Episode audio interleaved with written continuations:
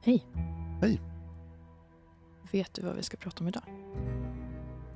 Jag har haft föraningar om det. Jag har drömt om ett visst ämne. Mhm. Mm. Idag ska vi prata om drömtydning. Spännande. Är det astralt, paranormalt? Eller bara banalt.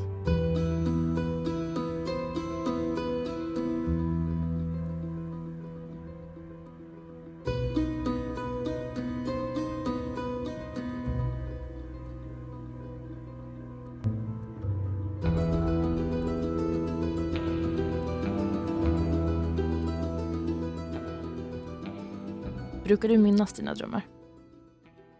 Ja, men det gör jag rätt ofta. Kanske tre, fyra gånger i veckan så minns jag en dröm. Men sen försvinner den blixtsnabbt igen. Så att drömmar som man kommer ihåg någon längre tid, det är väldigt sällsynt. Kanske en i månaden. Mm. Har du någon återkommande dröm då som har följt dig under lång tid?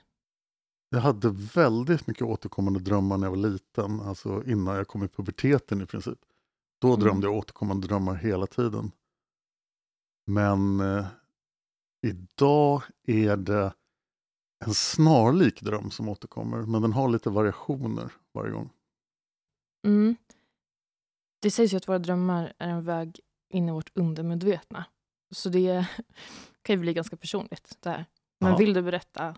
Jag är beredd för fenomens lyssnares skull att berätta om, jag berätta om min återkommande dröm Mm. i vuxen ålder. Mm.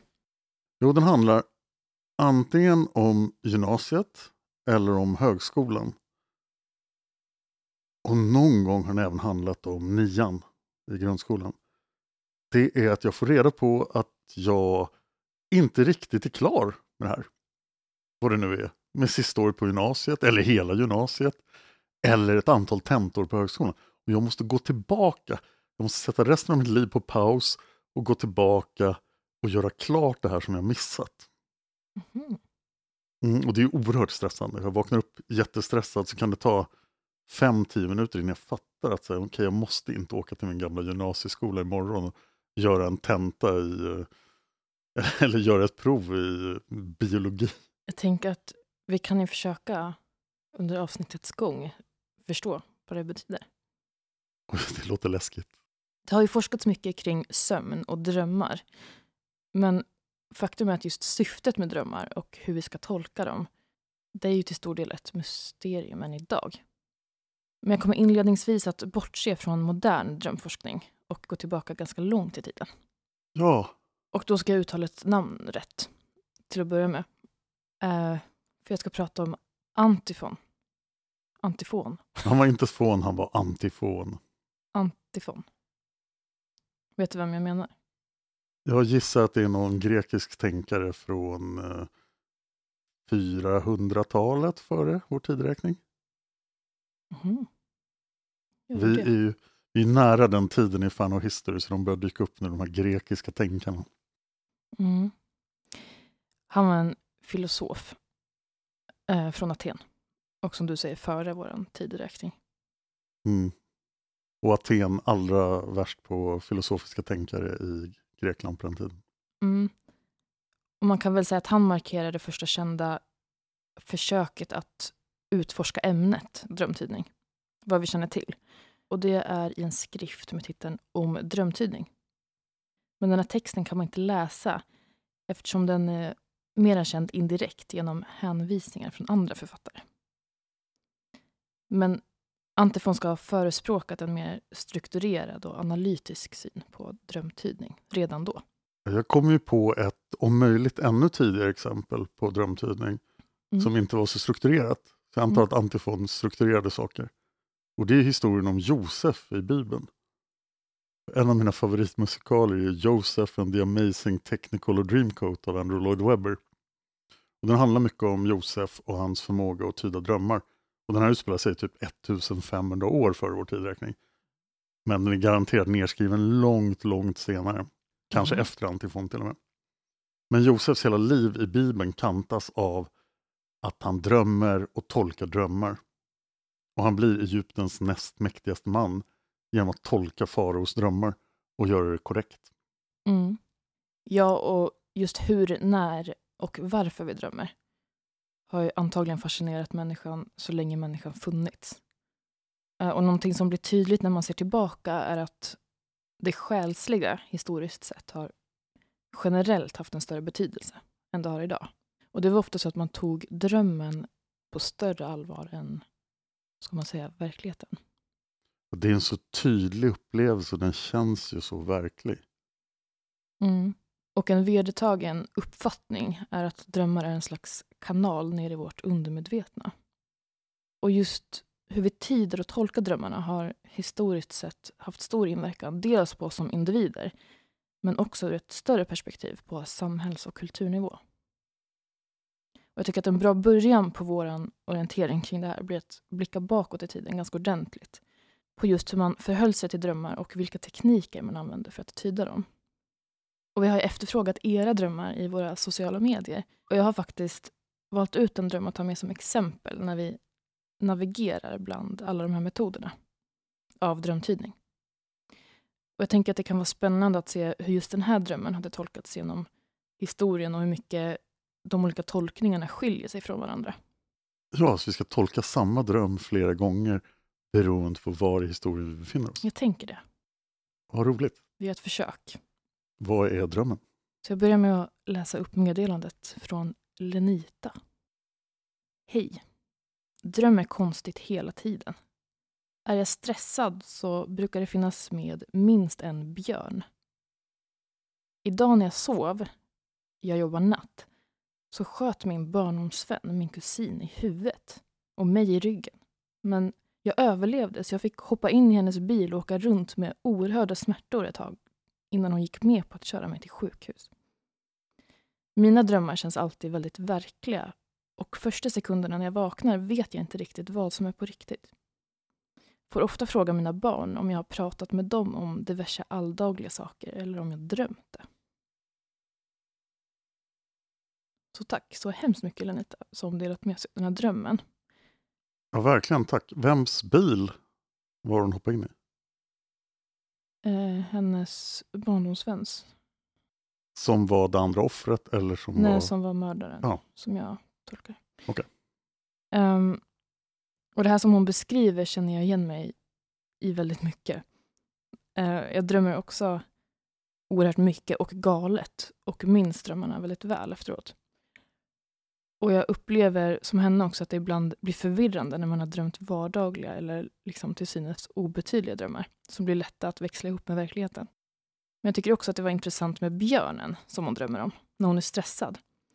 Och att just det kan vara en tydlig symbol att jobba efter för oss. Ja. Och bara det att hon själv lyckats uppfatta att det är just när hon är stressad som hon får björnbesök är ju imponerande i mina ögon. Väldigt tydligt ändå. Och för att undvika att vi hamnar i en situation där vi har 20 avsnitt om drömtydningarna på den så har jag valt att geografiskt fokusera på framförallt Norden. Då. Eftersom drömtydning såklart har sett olika ut runt om i världen. Om vi ser tillbaka på medeltiden så kan man se ett klart tema i hur man tolkade drömmar. Har du någon gissning på vad det kan ha varit? Att det är meddelanden från Gud. Och det säkert har någonting med synder att göra. Drömmar hade en central roll i samhället som man tog på största allvar. Och främst för att de ansågs vara sammanlänkade med en annan central del, nämligen religionen som du säger. Och under den här perioden innebar det till en början den nordiska mytologin och senare då framförallt kristendomen. Det här vet ju du mycket om. Jag har poddat om nordisk mytologi alldeles nyss i två olika poddar. Dels i Somedan och dels i Nu blir historia. Mm, just det. För det var genom drömmarna som man kommunicerade med väsen, helgon, änglar och till och med Gud själv. Och den röda tråden, oavsett trosuppfattning, var att andevärlden använde sig av komplexa symboler i drömmarna för att skicka meddelanden till mänskligheten. Det kunde till exempel vara varningar, uppenbarelser och råd gällande både det förflutna, nuet och framtiden. Det handlade ofta om metaforer som kunniga drömtydare visste hur man skulle tolka. Men det här betyder ju att drömmar under en lång tid tolkades efter religiösa och mytologiska mallar. Och om vi ska tyda Lenitas dröm då, ur ett medeltida perspektiv, då känns det som att vi först behöver veta vad björnen symboliserade. Och i nordisk mytologi så ansågs björnen vara en manifestation av guden Oden. Ja, allfader, Odin. Mm, som symboliserade mod och styrka och antogs kunna ge skydd och visdom. Och vad björnen gör i drömmen är såklart ganska avgörande. Men om jag tolkar Lenita som att den bara närvarar och är mer eller mindre passiv så hade man nog under tidiga medeltiden tolkat björnen som ett beskydd och som en slags vägledare. Och björndrömmar är ganska vanliga. Senare hade drömmar om björnar en tendens att tolkas som en uppmaning att ta kontroll över situationen och visa styrka i svåra situationer. Och Lenita beskriver ju att den här björnen dyker upp när hon är stressad, så det kanske makes sense. Att hon ska liksom återta kontrollen. Och kanske att det inte är någon fara eftersom hon har en beskyddare som ser efter henne och ger henne mod. Mm. Och senare beskriver hon ett ganska dramatiskt händelseförlopp där hennes barndomsvän dödar hennes kusin, skadar henne och där hon sen hålls från sjukhuset. Och om Lenita hade drömt den här drömmen för tusen år sedan så hade hon nog tagit till skyddsåtgärder för både sin vän och sig själv. Och troligtvis hade det resulterat i en rätt kylig stämning mellan henne och barndomsvännen. Och då syftar jag på att man ofta såg sådana här drömmar som varningar och profetior om framtiden. Men om vi jämför medeltidens religiösa syn på drömmar så har sekularisering och generellt minskad vidskeplighet successivt förändrat betydelsen av drömmar till att kretsa mer kring individen och känslolivet. Och det finns ju ett stort antal drömlexikon där man själv kan försöka förstå sina drömmar. Och de här har faktiskt hängt med ända fram tills idag egentligen. Men nu i år så har man publicerat nya studier där forskare tror sig ha knäckt koden lite grann. Och att vi skulle behöva glömma mycket av det vi tror oss veta om drömmar idag. I år? Mm. I januari nu. 2024? Mm. Har man knäckt drömmarnas gåta? De säger det. Men det kommer jag återkomma till snart. Men eh, jag tänker att vi går tillbaka till drömlexikonen. För det finns en viss metod som man ska använda sig av tydligen när man ska tyda drömmar utifrån ett lexikon. Man ska först detaljerat skriva ner drömmen där man inkluderar betydande faktorer.